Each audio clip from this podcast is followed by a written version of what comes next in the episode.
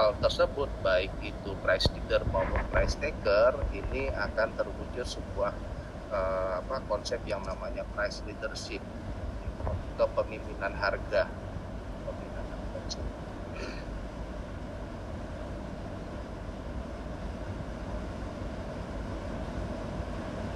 Nah, uh, price, leadership itu adalah bentuk kolusi informal.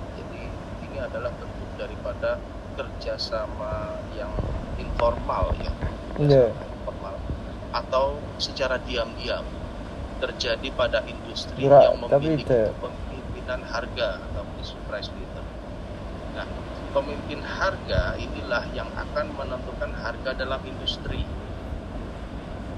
Perusahaan dominan atau Perusahaan apa dominan itu, Pak? Atau beberapa perusahaan dominan menetapkan Oh, harga iya, iya. pasar dan perusahaan lain dalam industri yang sama Betul. tersebut mengikuti